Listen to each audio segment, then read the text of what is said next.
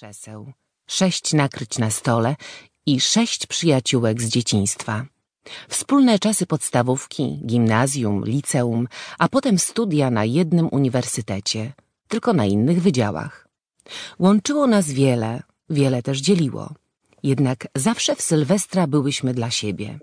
Nasza szóstka i nikogo więcej.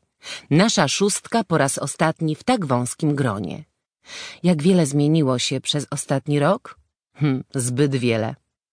Jedna z nas wyszła za przypadkowego męża, z którym od lat mieszkała pod wspólnym dachem. Jolka z Monią zakomunikowały, że są parą.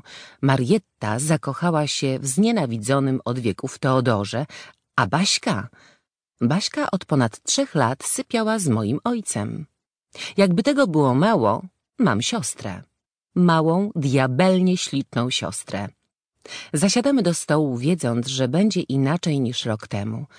Dwa czy trzy lata temu. Zdajemy sobie sprawę, że nic już nie będzie takie samo jak dawniej. Mówią, że zmiany są potrzebne, że wprowadzają nowe możliwości. Jednak dla mnie to zbytni chaos. Zawsze byłyśmy w sześć, a teraz miało się to zmienić. No dobra, skończyłyśmy z postanowieniami, ale chcę wiedzieć, jakie mamy plany na teraz. Zaczęła Marietta, spoglądając na każdą z nas zdecydowanie zbyt długo. Aż strach to powiedzieć. Moni głos uwiązł w gardle. Ale Zośka miała dobry pomysł z tymi, no, Oskarami.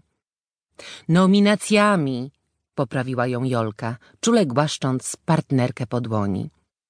Pięć par oczu spojrzało na mnie, jakby wyczekiwało mojej aprobaty. Rzucony po pijaku pomysł nawet dziś wydawał się słusznym zastępstwem naszych corocznych zmagań z postanowieniami noworocznymi.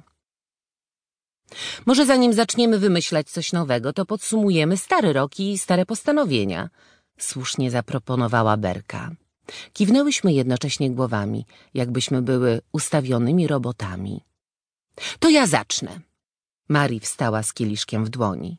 Moje postanowienie zostało zrealizowane. Zostałam dyrektorem projektowym. Podniosła kieliszek ku górze. I wcale nie musiałam nikogo mordować, choć, jak same wiecie, było blisko. Zaśmiałyśmy się, przypominając sobie sytuację z otruciem Teodora, którego ponoć zabiła tabletkami nasennymi wsypanymi do kawy. Kto by pomyślał, że wyjdzie z tego coś więcej niż śmierć, której w rzeczywistości nie było. A ja poszłam na kurs, ale oblałam. Monia niczym błyskawica wstała, powiedziała i wypiła zawartość kieliszka. Pochwal się ile razy, zaśmiała się Jolka. Monia spojrzała na nią surowo, lecz po chwili w jej oczach znów pojawiły się iskierki. Jak mogłyśmy ich nie dostrzegać przez ostatnie lata? Już dwanaście, ale trzynasty jest gratis, więc nic nie stracę, powiedziała dumnie. Jolka zaczęła bić brawo, a my zaraz za nią, jakby Monia już prawko zdobyła, a nie podejmowała kolejną próbę zdobycia. Ja zostałam trenerem personalnym, co właściwie było formalnością. Jolka nieco się wywyższała, kiedy mówiła o swoim zamiłowaniu do ćwiczeń i zdrowego jedzenia. W tym roku rozpoczynam w szkole zajęcia dla otyłej młodzieży. Po raz kolejny nas zaskoczyła. Nikt nie przypuszczał, że nasza wieczna grubaska będzie kiedyś trenowała dzieci podobne do niej niegdyś. To, co zawładnęło naszymi sercami, było dziwne, dziwnie miłe. To była duma. Nawet nie wiecie, ile otyłych dzieci jest teraz na świecie. Te wszystkie fast foody zabijają zdrowe myślenie, zabijają jakiekolwiek myślenie. Jolka zaczęła swój wykład.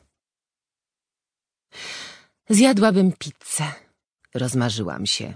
I oto przykład, wskazała na mnie. Żywi się toksycznym jedzeniem, co powoduje obumarcie mózgu. Dziewczyny zaśmiały się głośno. Mózgu u Zośki? Kpiła Marietta. Posłałam jej mordercze spojrzenie, trenowane przed lustrem do jednego z castingów.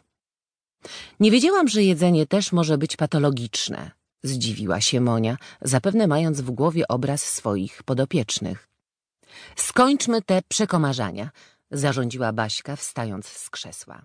Jak wiecie...